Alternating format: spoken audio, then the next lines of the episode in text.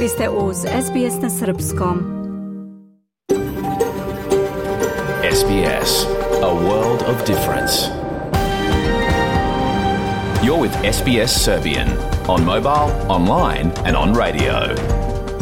Vi ste uz SBS na Srpskom, na mobilnom, na internetu i na radiju.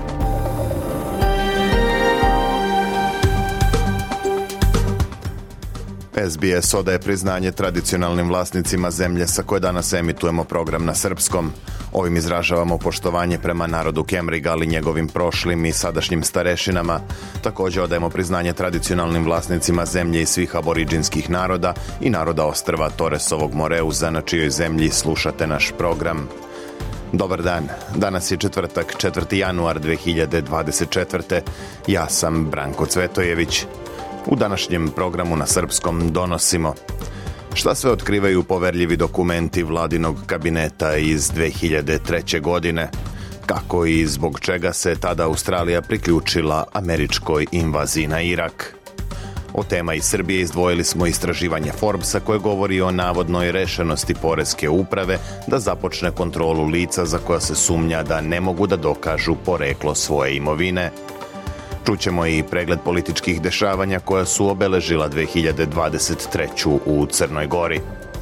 U segmentu posvećenom nauci govorit ćemo o prvom fakultetu za aboriđinska znanja i kulturu koji će početi da radi u okviru Tehnološkog univerziteta Queenslanda. Ostanite sa nama narednih sat vremena. Sledi pregled vesti.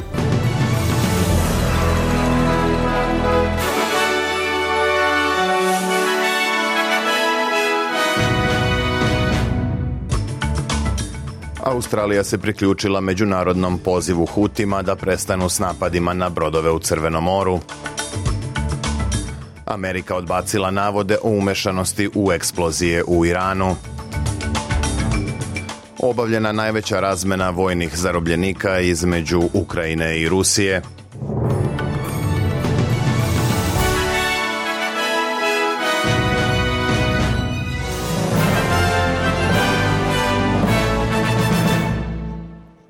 Pripadnici palestinske zajednice u Australiji pozvali su saveznu vladu da podrži tužbu za genocid koju je Južna Afrika predala Međunarodnom sudu protiv Izraela.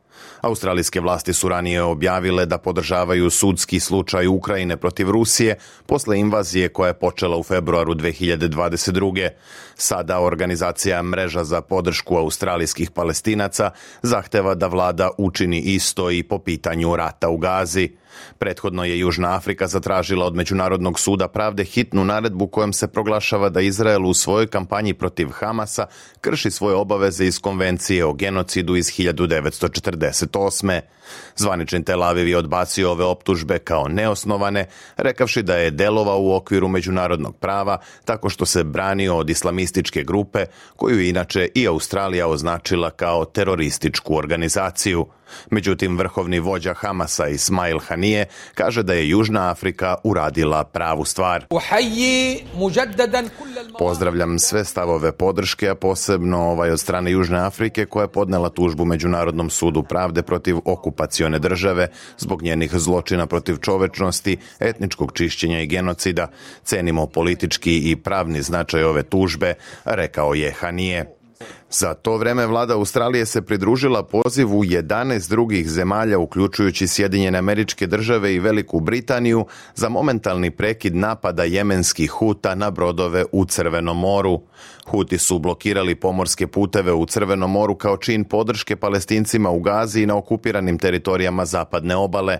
Pobunjenici gađaju i napadaju brodove koji imaju veze s Izraelom ili su na putu ka toj zemlji. U međunarodnom pozivu kojem se priključila Australija navodi se da akcija Huta duboko destabilizuje region i preti nedužnim životima iz celog sveta. Oko 15% svetske trgovine prolazi plovnim putem Crvenog mora, a brodarske kompanije sada preusmeravaju svoja plovila rutom oko rta Dobre nade, što značajno povećava troškove i vreme putovanja. Inače, Australija je nedavno odbila da uputi ratni brod u Crveno more, što su zatražile Sjedinjene države. Umjesto toga objavljeno je da će još šest australijskih vojnika biti upućeno u Bahrein, gdje se trenutno nalazi pet pripadnika australijske vojske raspoređenih u okviru američke operacije u toj oblasti. Lider libanskog Hezbolaha Hasan Nasrallah poručio je da ne može da se čuti nakon ubistva zamenika lidera Hamasa u Bejrutu.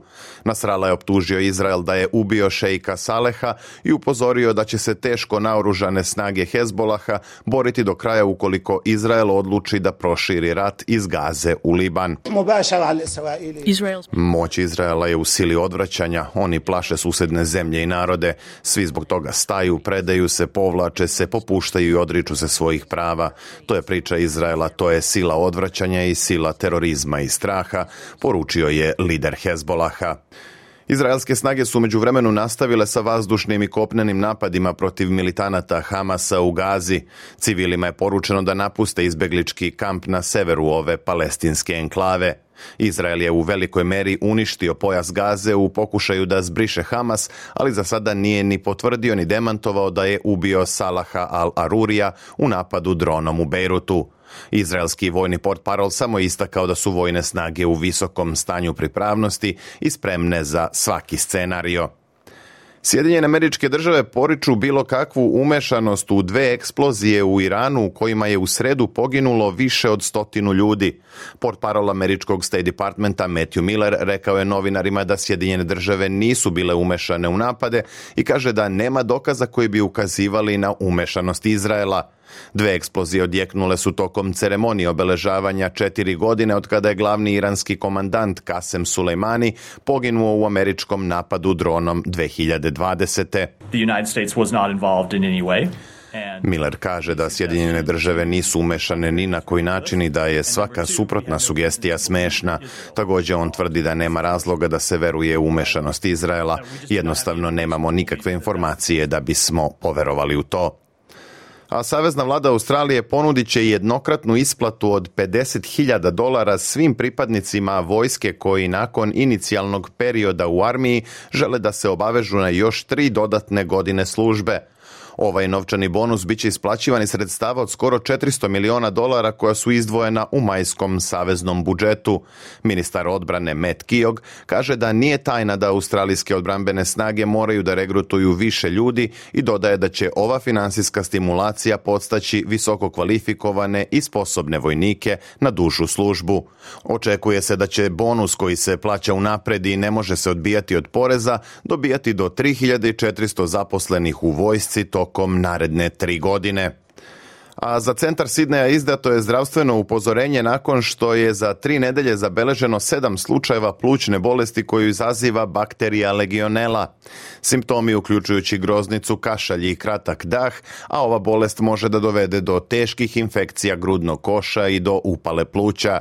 Zdravstveni stručnjaci kažu da se bolest ne može preneti s osobe na osobu, te da je bakterija legionela često povezana sa kontaminiranim raskladnim instalacijama u velikim poslovnim i stambenim zgradama.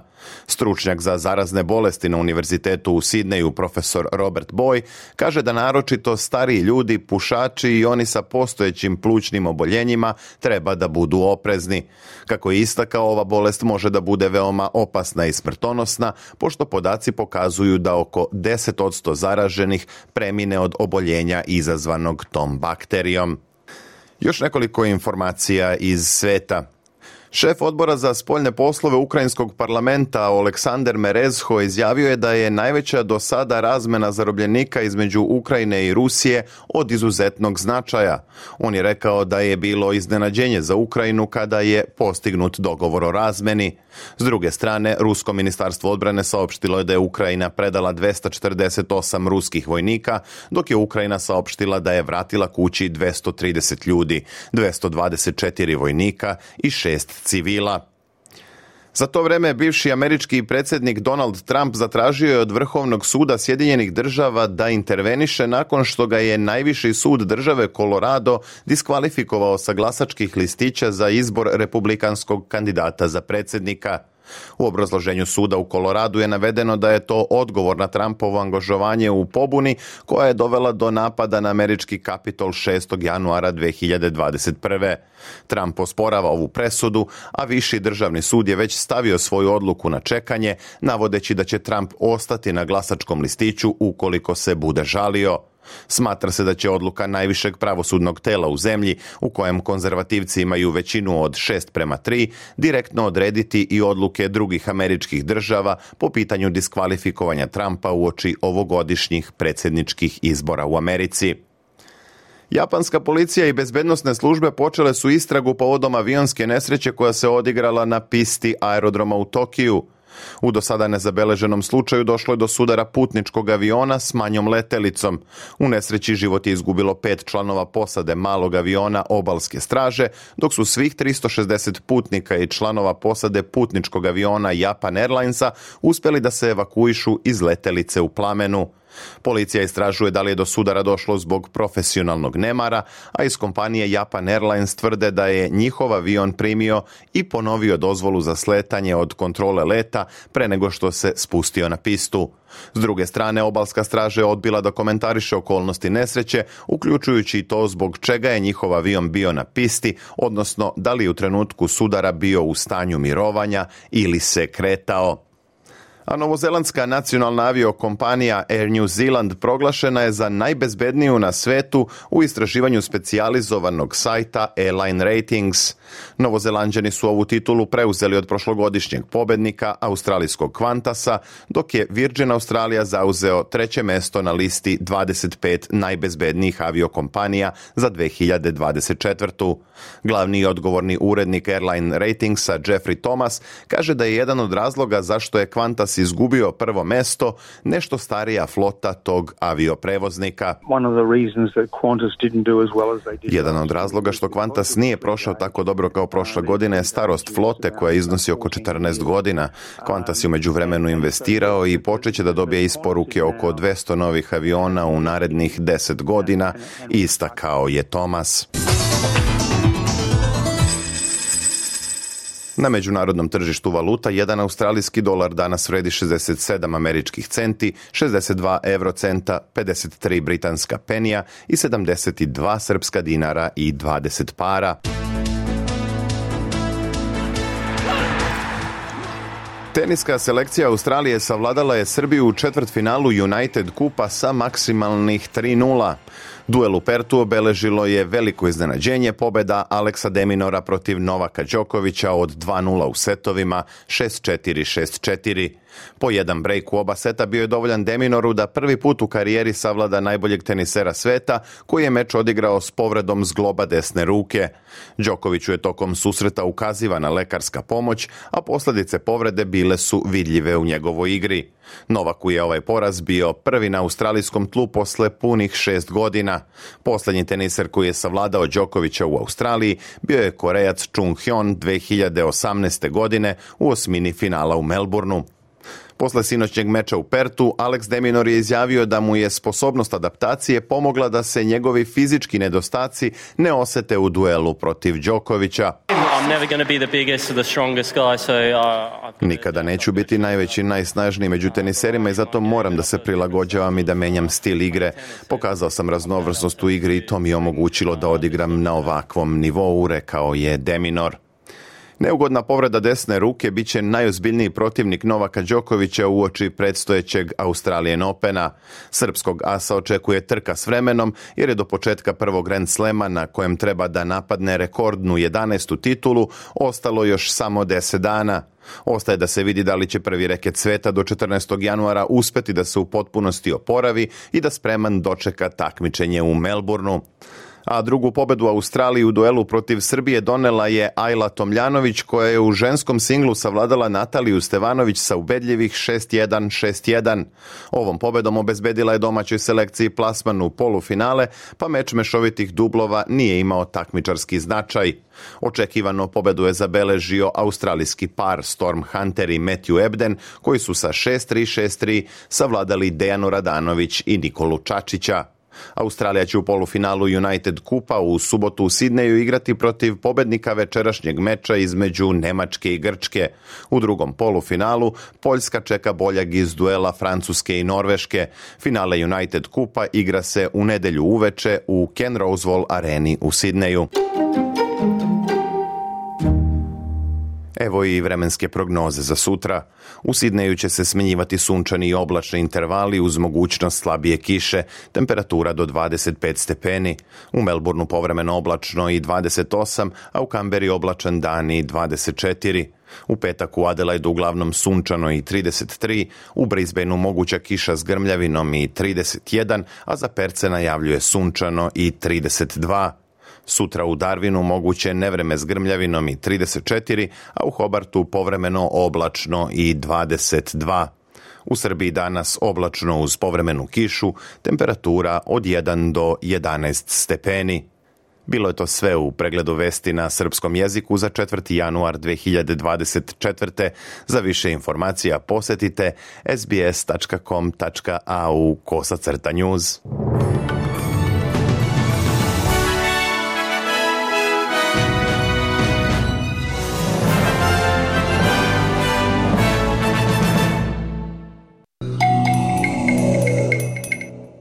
Slušate SBS na srpskom.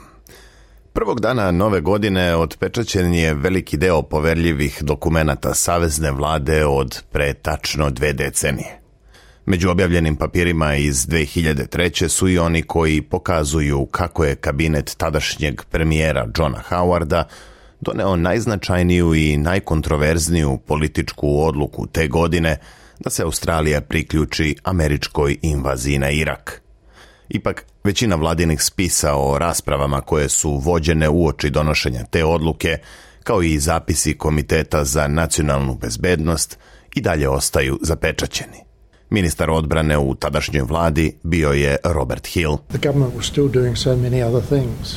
And I Hill kaže da je vlada u to vreme radila i toliko drugih stvari, što na neki način odražava način na koji je John Howard video zadatke vlade. Ujutro se radilo na nacionalnoj bezbednosti, popodne na zdravstvu, uveče na pitanjima imigracije, ali rat i taj 18. mart verovatno je nešto o čemu se najviše razmišljalo. Rat o kojem govori Hill je bila zapravo invazija na Irak koju je početkom te 2003. najavio tadašnji američki predsednik George Bush. My fellow citizens, at this hour, Sugrađani u ovom času američke i koalicijne snage su u ranoj fazi vojnih operacija za razoružavanje Iraka, oslobađanje iračkog naroda i odbranu sveta od ozbiljne opasnosti, poručio je Bush te 2003. Tadašnji premijer Australije John Howard podržao je taj poziv Georgea Busha na konferenciji za štampu održanoj u maju 2003. na predsednikovom ranču u Teksasu. Can I, uh, Mr. President, Mogu li, gospodine predsjedniče, da vam čestitam na vođstvu koje ste pokazali svetu ponekad pod veoma velikim kritikama, ponekad suočeni sa izuzetno velikom obstrukcijom, ali imali ste odlučan i jasan stav o tome šta treba da se uradi i mi smo bili veoma ponosni i odlučni kada je doneta konačna odluka da budemo deo toga, bile su reči kojima se Howard obratio Georgeu Bushu. 20 godina kasnije otvaranje poverljivih dokumenata premijerovog kabineta delimično otkrivaju način na koji je doneta odluka da se Australija pridruži takozvanoj koaliciji voljnih koju su predvodile Sjedinjene američke države. Istoričar vladinog kabineta dr. David Lee govorio je o tome šta sadrže objavljeni dokumenti. What we have in this release are some documents On posebno ističe jedan od objavljenih vladinih dokumenata za koji kaže da je naročito važan. To je zapisnik od 18. marta u kojem je zabeležena konačna odluka kabineta da odobre vojnu akciju. Li kaže da je taj zapis verovatno najvažniji od svih koji su otpečaćeni 1. januara ove godine. Kabinet iz 2003. je također razmatrao i kakav će uticaj priključivanje ratnim dejstvima imati na domaćem planu. Pre svega po pitanju obrade zaštitnih viza, kako bi se uzela u obzir izmenjena situacija u Iraku i važnost vraćanja ljudi u Irak kada bezbednostna situacija to dozvoli i kada se vidi da li raseljeni žele da se vrate ili ne. Međutim, istoričar David Lee kaže da se najvažniji objavljeni dokument odnosi na memorandum preporuke koji je Australija koristila kao opravdanje za ulazak u rat. And so we have in this minute recording how u tom zapisniku je zabeleženo kako je taj pravni savjet sastavljen u saradnji između Ministarstva spoljnih poslova i Kancelarije državnog tužioca. U dokumentu se kao primarni motiv za učešće Australije u invaziji navodi postojanje oružja za masovno uništenje u Iraku. Međutim, veliki deo priče o tome kako je odluka doneta ostaje i dalje neotkriven. Generalni direktor Australijskog nacionalnog arhiva Simon Fraud kaže da je većina razgovora o ratu u Iraku vođena između nekoliko visokih ministara u Komitetu za nacionalnu bezbednost. There were only, uh, 334 cabinet records, um... Postojala su samo 334 kabinetska zapisa iz 2003. a mi smo za objavljivanje uzeli u obzir 260 od tih dokumenata. Uobičajeno broj zapisa u kabinetu bi bio značajno veći od toga i smatram da je to odraz činjenice da je zbog diskusija koje su se odvijale unutar Komiteta za nacionalnu bezbednost veliki broj zapisa sačinjen kroz procedure komiteta koje se razlikuju od kabinetskih, kaže Freud. I David Lee potvrđuje da je veliki deo dokumenata Komiteta za nacionalnu bezbednost ostao zapečaćen. Komitet je neizbežno uradio mnogo teškog posla u vezi sa pitanjima spoljne politike, odbrane obaveštajnih službi, uključujući Irak. Nadamo se da ćemo u dogledno vreme videti te ostale zapise koji će pomoći da se stvori potpunija slika o donošenju odluka, kaže Lee. Ova tema je u to vreme bila veoma osetljiva pošto je bilo uočljivo da je nacionalno raspoloženje izrazito protiv rata. Bilo je javnih protesta upućenih direktno američkom predsjedniku, uključujući i tadašnjeg senatora sa Tasmanije Boba Brauna, čija izlaganja su bila i prekidana od strane predsjedavajućeg u Australijskom senatu. Saddam's regime is gone. And no one Brown, I warn you, Senator Brown will excuse himself from the House. Bilo je i drugih diplomatskih poruka Sjedinjenim državama, kao što je ona od strane tadašnjeg opozicionog lidera Simona Krina, koji je naglasio da se povremeno prijatelji ne slažu u nečemu, kao što se tada dobar deo Australije nije slagao sa Amerikom po pitanju rata u Iraku. On occasions friends do disagree, as we did on this side with you on the war in Iraq. Tadašnji ministar odbrane Robert Hill kaže da je Howardov kabinet isprava ozbiljno shvatio tvrdnje o postojanju oružja za masovno uništenje u Iraku. It wasn't one day when we sort of opened our eyes and said, gee, that was all Jednog dana smo na neki način otvorili oči i rekli pa to je sve bilo pogrešno. Smatralo se da će oružje biti otkriveno vrlo brzo, ali kada ono nije pronađeno povela se globalna debata koju su vodile bezbednostne agencije šta se desilo s oružjem za masovno uništenje. Kako je godina odmicala, svi smo se češali po glavi i pitali otkud onda te pogrešne informacije, kaže Hill.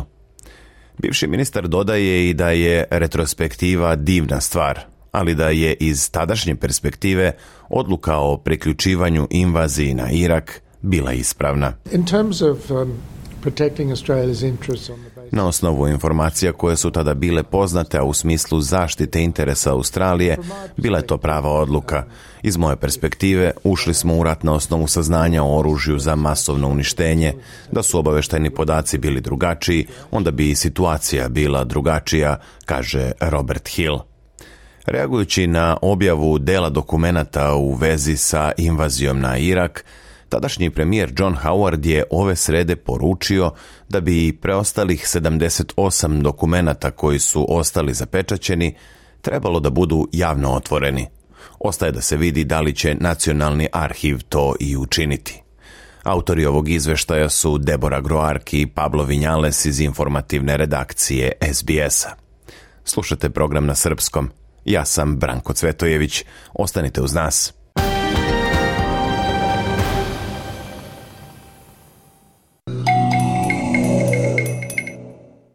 Digitalno izdanje renomiranog svetskog biznis magazina Forbes, osim Crne Gore, Hrvatske, Slovenije i Bosne i Hercegovine, od 14. novembra prošle godine pokrenuto je i u Srbiji.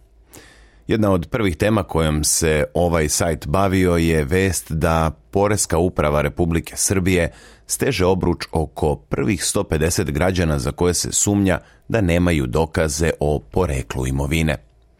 Šta je srpska javnost saznala iz tog istraživanja, kakve su sankcije predviđene za one koji ne mogu da dokažu poreklo imovine?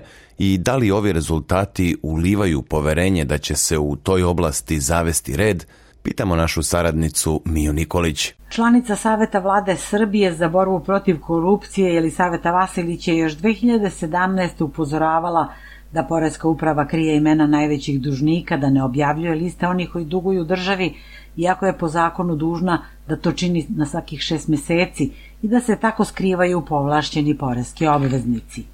Da se stvari umeđu vremenu nisu popravile, misli Aleksandar Vasić, član upravnog odbora udruženja poreskih savjetnika Srbije, koji kaže da je jako loše to što je poreska uprava izuzetno zatvorena za javnost. Primena decenijama najavljivanog zakona o utvrđivanju porekla imovine i posebnom porezu otpočela u Srbiji marta 2021. a da je javnost imala velika očekivanja potvrđuju i tadašnji naslovi koji su tu regulativu najavljivali kao zakone koji će promeniti Srbiju i ukazivali da je došao kraj luksuzu sa skromnim primanjima. Deo stručnjaka je još tada upozoravao da je Srbija zemlja bez vladavine prava, da su institucije slabe, što je glavni problem i da se svakodnevno dešavaju afere koje država neutralizuje, pa je u takvoj atmosferi zakon o poreklu imovine neprimenjiv. Dve i po godine od početka primene ovog zakona do domaća javnost je saznala da Poreska uprava steže obruč oko prvih 150 građana za koje se sumnja da nemaju dokaze o poreskoj imovini. Iako do sada, kako navode u ovoj instituciji, nisu doneli ni jedno rešenje o utvrđenom, o utvrđenom posebnom porezu, poresku kontrolu kao poslednju fazu u celom postupku trenutno prolazi nekoliko poreskih obveznika. Kako su obrazložili, u poreskoj upravi oni e, vode postupke utvrđivanja vrednosti imovine fizičkih lica koja su tri godine uzastopno imala uvećanje imovine u odnosu na prijavljene prihode za više od 150.000 evra. Broj građana, čiji su podaci za ove dve i po godine obrađeni, daleko je, kažu, veći i on obuhvata 1.184.503 fizičkih lica. Od tog broja, za 13.500 fizičkih lica utvrđeno je da su u posmatranom periodu, a najviše u tri uzastopne godine, imala uvećanje imovine u odnosu na prijavljene prihode u iznosu većem od 150.000 dinara, izjavili su za Forbes Srbija u Poreskoj upravi. Naveli su da su postupci utvrđivanja nesrazmere u imovini i prihodima složeni i da se sastoje od tri faze. Prva je analiza rizika, zatim se sprovodi prethodni postupak i na kraju postupak poreske kontrole i utvrđivanje posebnog poreza. Fizičkim licima se dodeljuje status sa definisanim niskim, srednjim ili visokim rizikom po poštovanje propisa. Na osnovu sprovedene analize rizika Poreska uprava je sačinila odgovarajuće izveštaje o utvrđenom uvećanju vrednosti imovine i prijavljenim prihodima za oko 150 građana nakon pribavljanja raspoloživih podataka iz internih i eksternih baza podataka o svim oblicima imovine, nepokretnosti, pokretnosti, udelima i akcijama u privrednim društvima, štednim i drugim ulozima, u postupku poreske kontrole učestvuje i građanin čija su imovina i prijavljeni prihodi predmet kontrole. To obuhvata izuzetno složene poreske postupke praćanja, praćenja tragova novca obveznika u kontroli, koji zahtevaju dugi kompleksan rad inspektora koji vode postupak kako bi se potpuno i tačno utvrdile sve potrebne činjenice i okolnosti, a rekli su u Poreskoj upravi. Za sada nije doneto nijedno rešenje o utvrđenom posebnom porezu, ali su u postupku kontrole porekla imovine za nekoliko obveznika. Prema zakonu imovina za koju se utvrdi da nema pokriće u prihodima oporezuje se po stopi od 75%, a ceo prihod od posebnog poreza pripada budžetu Republike Srbije. Kada se radi o krivičnim prijavama, Poreska uprava u slučaju sumnje o tome obaveštava sve relevantne nadležne organe, policiju, sektor poreske policije, javno tužilaštvo i druge nadležne organe. Poreski stručnjaci slažu se da je sprovođenje ovog zakona veoma složen i kompleksan postupak, ali i pored toga smatraju da je do sada sačinjenih 150 izveštaja malo. Aleksandar Vasić, poreski savjetnik, kaže za Forbes Srbija da je naše susvo sporo i da ćemo, ako se ovako nastavi, tek 2035. godine imati prvi rešen slučaj i prvo podneto rešenje o plaćanju poreza. On ne očekuje previše od ovog zakona i smatra jako lošim što je Poreska uprava izuzetno zatvorena za javnost, te da zato postoje nerealna očekivanja. Ističe da se kod nas ne zna ko su ti bogati ljudi, da svi imamo ubeđenja da neki ljudi ne rade ništa, a imaju milione i ne plaćaju porez. Kaže da to možda uopšte nije istina, a da Poreska uprava nikada nije reagovala na sve te natpise u medijima. Nije izašla u javnost i otvoreno rekla ko je bogat, ali uredno plaća porez, a ko to nije, ali ne plaća porez. I za sve one pevačice koje imaju gomilu javnih nastupa, barem da su izašli i rekli jeste tako, ali one su platile porez na sve te nastupe ili nisu, pa da znamo, navodi Vasić i dodaje da se ovako ostavlja prostor za sumnju, ali i za velika očekivanja od ovog zakona. Smatra da bi bilo dovoljno da iznesu cifre i komentare bez otkrivanja imena, da predstave zaključke da ovoliko ljudi ima legalizovan posao i da je od toga i toga zarađen toliki i toliki novac. Na pitanje Forbesa šta je bilo sa najavama da će se posebna pažnja posvetiti preduzetnicima i biznismenima koji uvećavaju imovinu kao fizička lica, a prikazuju gubitke kroz poslovne knjige, u Poreskoj upravi su rekli da navedena grupa čini sastavni deo spiska za potencijalne kontrole, a da će o rezultatima toga javnost biti pravovremeno obaveštena. Vasić veruje da poreski inspektori nisu uzeli da otvore svih pomenutih 13.500 slučajeva, već da su išli na one najveće, onih 150 sa najvećom razlikom između imovine i prihoda. Kaže da Poreska uprava dalje poziva stranku pod sumnjom i obaveštava je koje podatke ima, a to lice je po zakonu dužno da dokazuje odakle mu imovina. On, na primjer, može da kaže da je dobio kuću u nasledstvo i da podnese dokaz ili da navede da mu je supruga poklonila tu kuću, a onda se može desiti da Poreska uprava dalje ispituje suprugu i odakle njoj ta nekretnina. Vasić smatra da ovaj zakon i nije tipičan poreski zakon koji treba da bude pravedan i pošten, već je sa poreskog aspekta pretnja. To je poruka za građane da nešto ne sme da se radi. Ideja države je dvojaka. S jedne strane naplatom posebnog poreza želi da prikupi novac za budžet, a s druge da zakonski pripreti, zaključuje Aleksandar Vasić. Mija, šta o svemu kažu u Poreskoj upravi Republike Srbije i koliko su oni zapravo otvoreni prema javnosti? Direktorka Poreske uprave Dragana Marković svojevremeno je najavila da će se zakon o poreklu imovine primenjivati na sve građane za koje se utvrdi osnovana sumnja da im vrednost imovine premašuje primanja, da neće biti izuzetaka bez obzira na profesiju, te da će njime biti obuhvaćeni estradni umetnici, sportisti, biznismeni.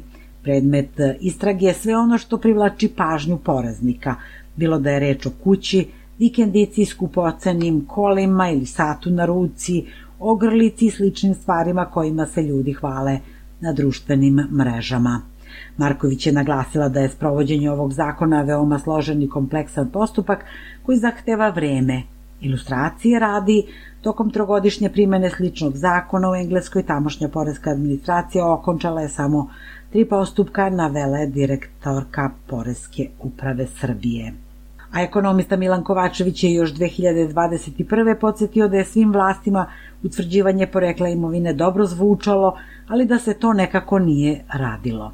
Lično mislim da ne postoji politička volja i da novi zakon neće imati neki efekat, naveo je on. Profesor Goran Radosavljević pak smatra da bi bilo dobro da se bilo šta od ovog zakona sprovede. Najbolje bi bilo da se proveri imovina političara, da i to jednom skinemo sa dnevnog reda, naveo je on. Mija hvala. Bila je to naša saradnica iz Srbije, Mija Nikolić. Vi slušate SBS, program na srpskom. Ostanite uz nas. Slušajte SBS na srpskom, na mobilnom, na internetu i na radiju.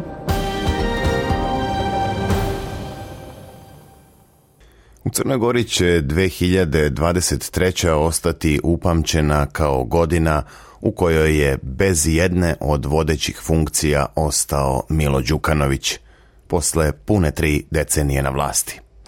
Na predsjedničkim izborima održanim u aprilu pobedio je 36-godišnji Jakov Milatović, a Đukanović je posle neuspeha na parlamentarnim izborima morao da prizna poraz i u trci za predsjednika države – Šta je sve donela protekla godina na političkoj sceni Crne Gore, čućemo u izveštaju naše saradnice iz Podgorice Milice Delibašić. Turbulentna politička godina za Crnom Gorom. Kao i obično, ni tokom 2023. nije bilo dosadno. Građani su dva puta izlazili na izbore, prvo na predsjedničke, potom i parlamentarne. Najveću pobjedu odnio je tada tek formirani pokret Evropa Sad, koji je dobio mjesto i premijera i predsjednika države.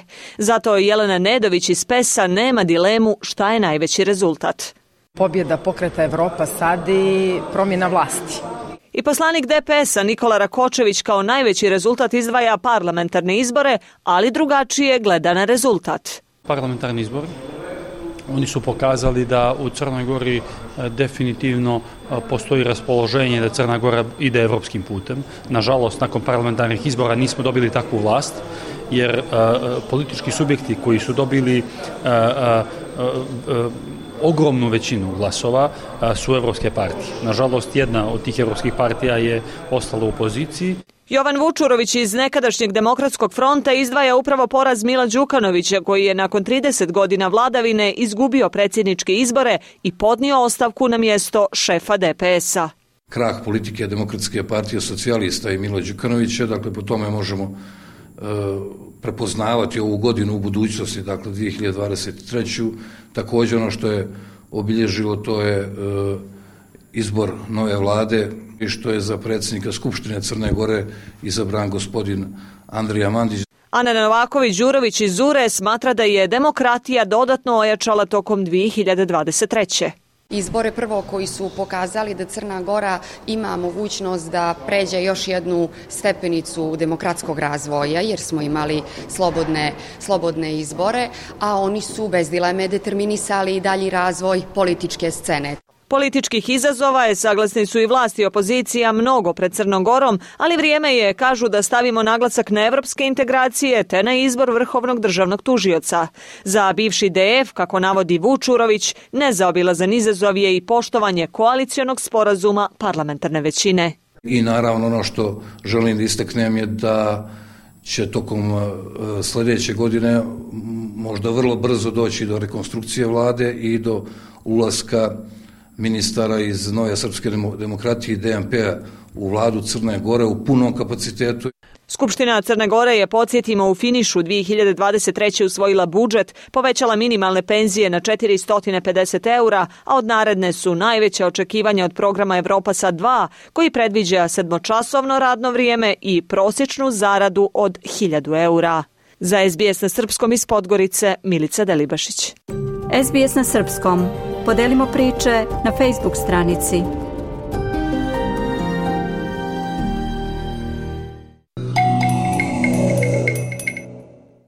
Slušate SBS na Srpskom.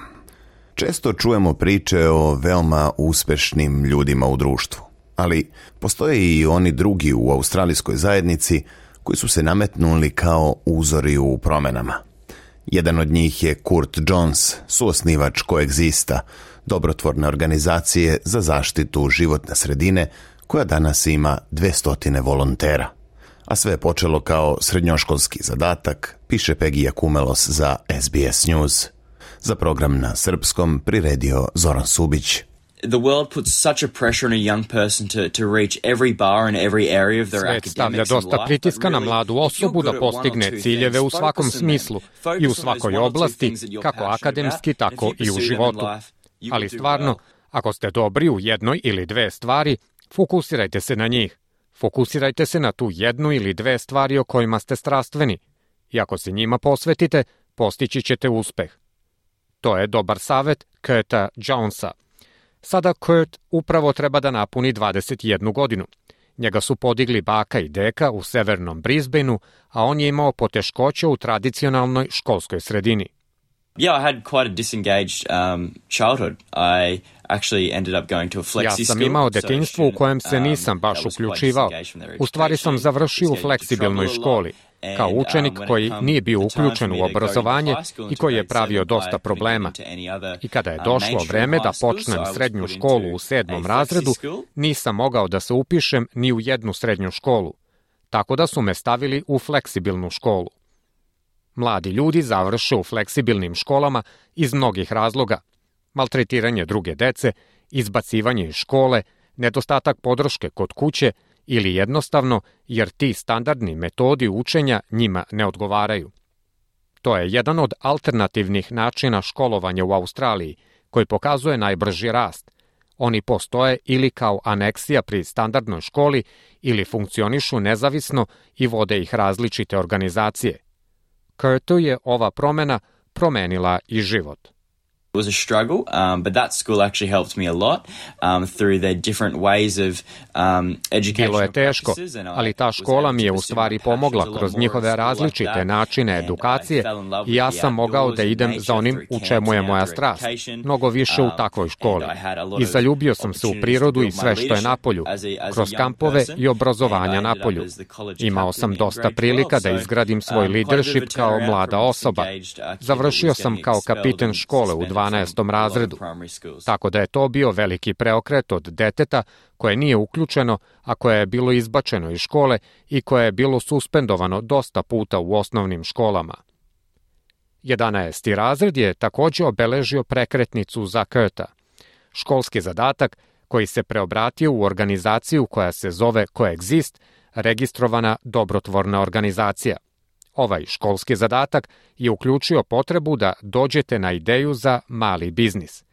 Kurt je trebao da napravi biznis plan, misiju, izjavu vizije, kao i strukturu kompanije i proces regrutovanja osoblja. Inspiracija iza ove ideje je bio školski kamp na reci Man u prirodnom rezervatu.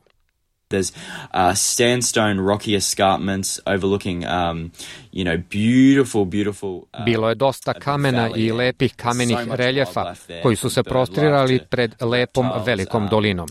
Toliko je divljih životinja tamo bilo od ptica do reptila – zadivljujuće i to je mesto gde sam se ja stvarno zaljubio u prirodu. I zaljubio sam se u čitavu tu ideju da mi možemo da živimo zajedno sa prirodom i koliko to koristi našem mentalnom zdravlju i našem razmišljanju, kao i našim odnosima sa drugim ljudima. Kurt nikada stvarno nije očekivao da će jednostavan školski zadatak da tako puno preobrazi na način na koji se to desilo. I went to my teacher and said, hey, I love wildlife conservation. Would you mind if Otišao sam kod svoje nastavnice i rekao ja volim konzervaciju divljeg životinja. Da li bi vam smetalo ako bih uradio besprofitnu dobrotvornu organizaciju kao moj školski zadatak? Rekla je da može. Nije postojalo ništa u stvarnom svetu. Bilo je to samo na papiru. Ali kada sam to uradio i kada sam stigao do kraja zadatka, shvatio sam da sam se kroz taj proces zaljubio u taj koncept i u tu ideju i znam da bi moglo da donese veliku razliku u svetu. Dok je bio u poslednjoj godini srednje škole, Kurt je polako preduzimao male korake kako bi preobrazio ovaj školski zadatak u nešto više – my first year out of school, um, we officially launched, uh, launched Coexist Australia. And that U prvoj godini van škole zvanično smo lansirali Coexist Australia. I to je uzelo nešto vremena i dosta odlučnosti. Očito je da mi je trebala dobra um, ekipa ljudi koja može da mi pomogne. Takođe sam morao da izgradim odbor direktora kako bi se zadovoljile obaveze dobrotvorne organizacije. Imamo sada izuzetan tim i dosta smo izrasli – i tokom poslednje godine smo imali dosta događaja, tako da je bilo ludo poslednjih par godina. Coexist sada ima sedam direktora u svom odboru, uključujući i knjigovođu, školskog direktora, generalnog direktora jedne druge organizacije za divlje životinje i direktora filantrofije iz druge organizacije. I koriste socijalne medije da bi regrutovali nove članove i delili informacije. Ovo je Kurt koji na Instagramu govori o krokodilima.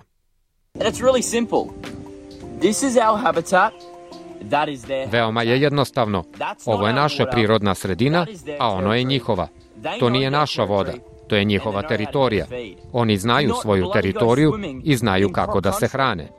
Nemojte da idete i da plivate u krokodilskoj zemlji. Kurt takođe ima posao kao video snimatelj za par različitih edukatora o divljim životinjama i influencerima. Što se koegzista tiče, tu sada radi 200 dobrovoljaca. We want to look at co- uh, look at conservation from a different angle. We want to do it differently. And Mi želimo da konzervaciju posmatramo iz drugog ugla. Želimo drugačije da to uradimo. Prvi korak je da mlade ljude izvedemo napolje. Očito u poslednjih 10 do 20 godina videli smo veliki pad u broju mladih ljudi koji su uključeni u prirodnu sredinu napolju. To je bio veliki pomak kada smo videli dolazak tehnologije. I to je verovatno zašto vidimo takav diskonekt sa prirodom. Naš prvi korak je rekreacija. i to je šansa da mladi ljudi izađu napolje i uključe se u aktivnosti kao penjanje, kanu, gnjure kurenje i sve te aktivnosti na polju. I jednom, kada se nalaze u tom prostoru, oni uče o prirodnoj sredini. i onda to pomeri mladu osobu ka stanju obrazovanja. Ket kaže da je to nežan, ali efektivan način da se ohrabre ljudi da uče o sredini i da se uključe u druge aktivnosti, kao što je sadnja drveća ili čišćenje sredine. Koegzist koristi kolektivni model sa ekspoziturama širom Australije – i naplaćuje malu članarinu, ali svi mogu da učestvuju za džabe. Trenutno postoji osam stabilnih ekspozitura širom države i svaka mlada osoba koja želi može da otpočne svoju koegzist ekspozituru. Those branches, they are led by young people for young people. So they all have a leader. Ove branše koje vode mladi ljudi su za mlade ljude. Sve one imaju lidera, kolektivnog lidera i onda odatle sledi lider za čišćenje, lider za sadnju drveća i rekreacioni lider. I onda neke od naših drugih većih branči imaju operativnog lidera i administraciju i takve stvari. Ali čitava ideja je da te kolektivne branše predstavljaju zajednice mladih ljudi gde oni mogu da nađu pripadanje i strast i da budu oko ljudi koji slično razmišljaju. Ova dobrotvorna organizacija je nedavno dobila svog prvog korporacijskog sponzora, 10.000 dolara od organizacije koja pruža ekoturizam, Riva Today. Kurt kaže da je ideja uspešna jer ništa ne može da pobedi kada se ljudi povezuju licem u lice. There's nothing more impactful and important than a personal one-on-one face-to-face relationship. Nema ništa uticajnije i važnije nego lično, jedan na jedan odnos sa prijateljem ili nekim koga volite. I mislim da je to ozbiljna kičma društva i nedostaje nam ta veza. Mislim da su stvari u kojima smo strasni i hobiji pravi put ka izgradnji veza i pripadanje zajednici. I možete slušati više epizoda u seriji podcasta Change Agents kada god dobijete vaše podcaste.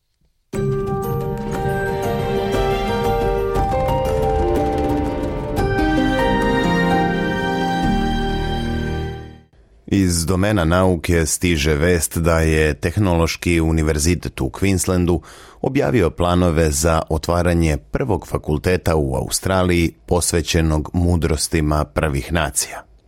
Fakultet za domorodačka znanja i kulture radit će kao samostalna jedinica, poput pravnog ili ekonomskog fakulteta, a sprovodit će akademske programe i istraživanja, pišu Tanisha Williams i Esamal Galib za SBS News. Za program na srpskom priredila Nataša Kampmark. Tehnološki univerzitet Queenslanda će uskoro biti mesto gde se ne samo uvažavaju znanje i kultura autohtonih naroda, već će u njegovom sastavu, kako je najavljeno, početi sa radom i novi fakultet za studije znanja i kulture autohtonih naroda.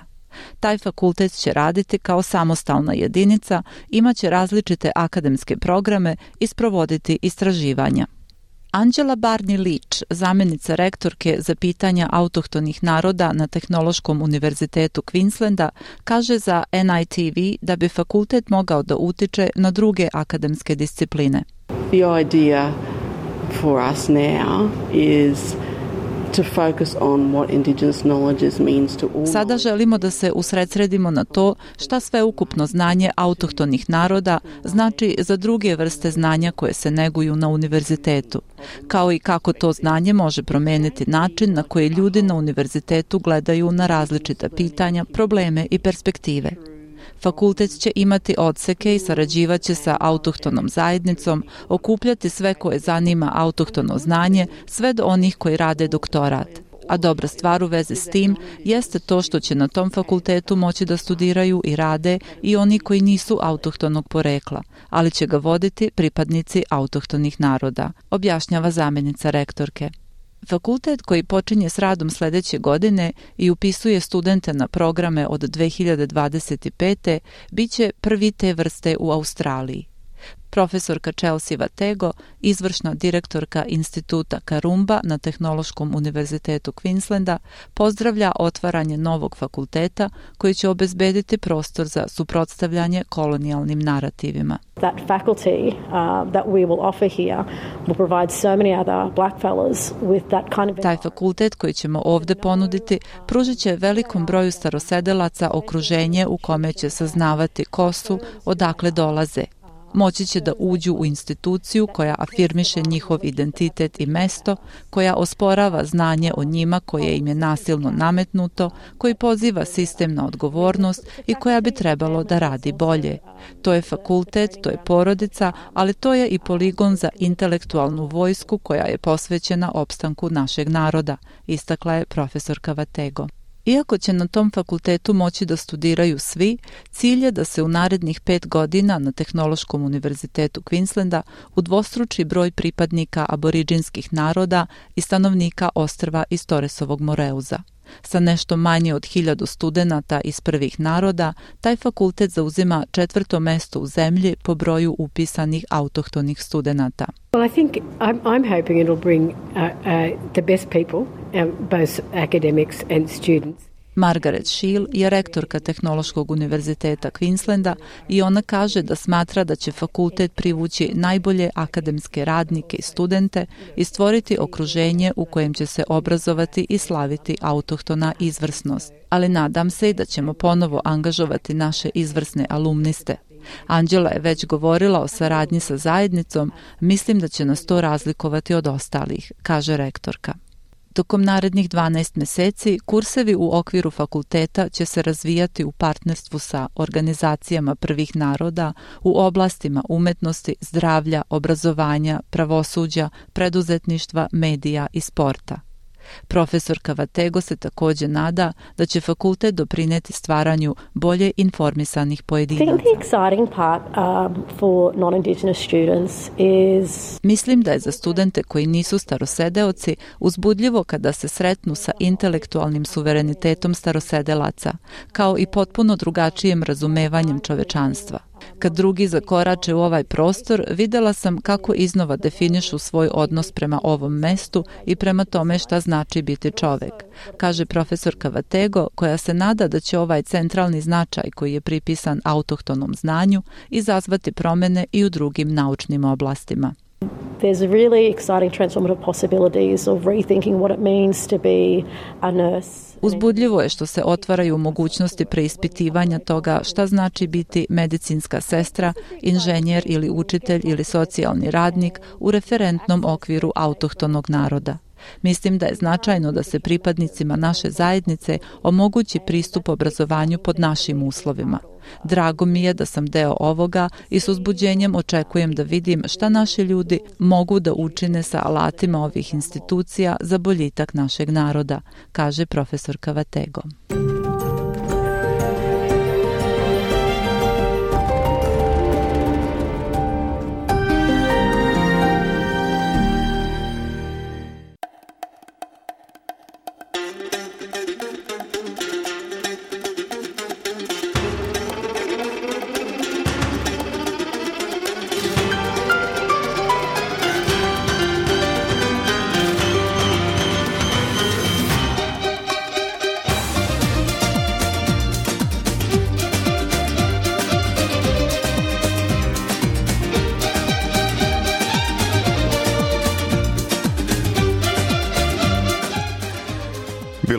Sve za danas.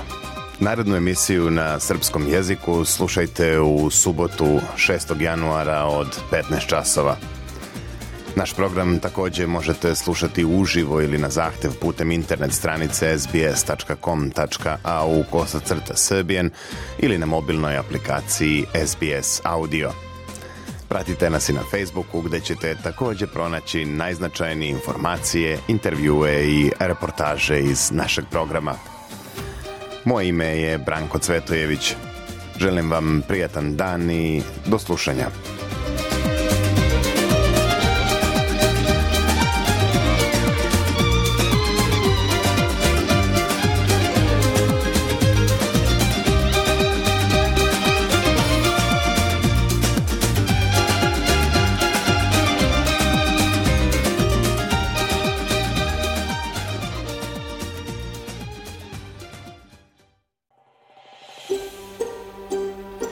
Želite da čujete još priča poput ove? Slušajte nas na Apple Podcast, Google Podcast, Spotify ili odakle god slušate podcast.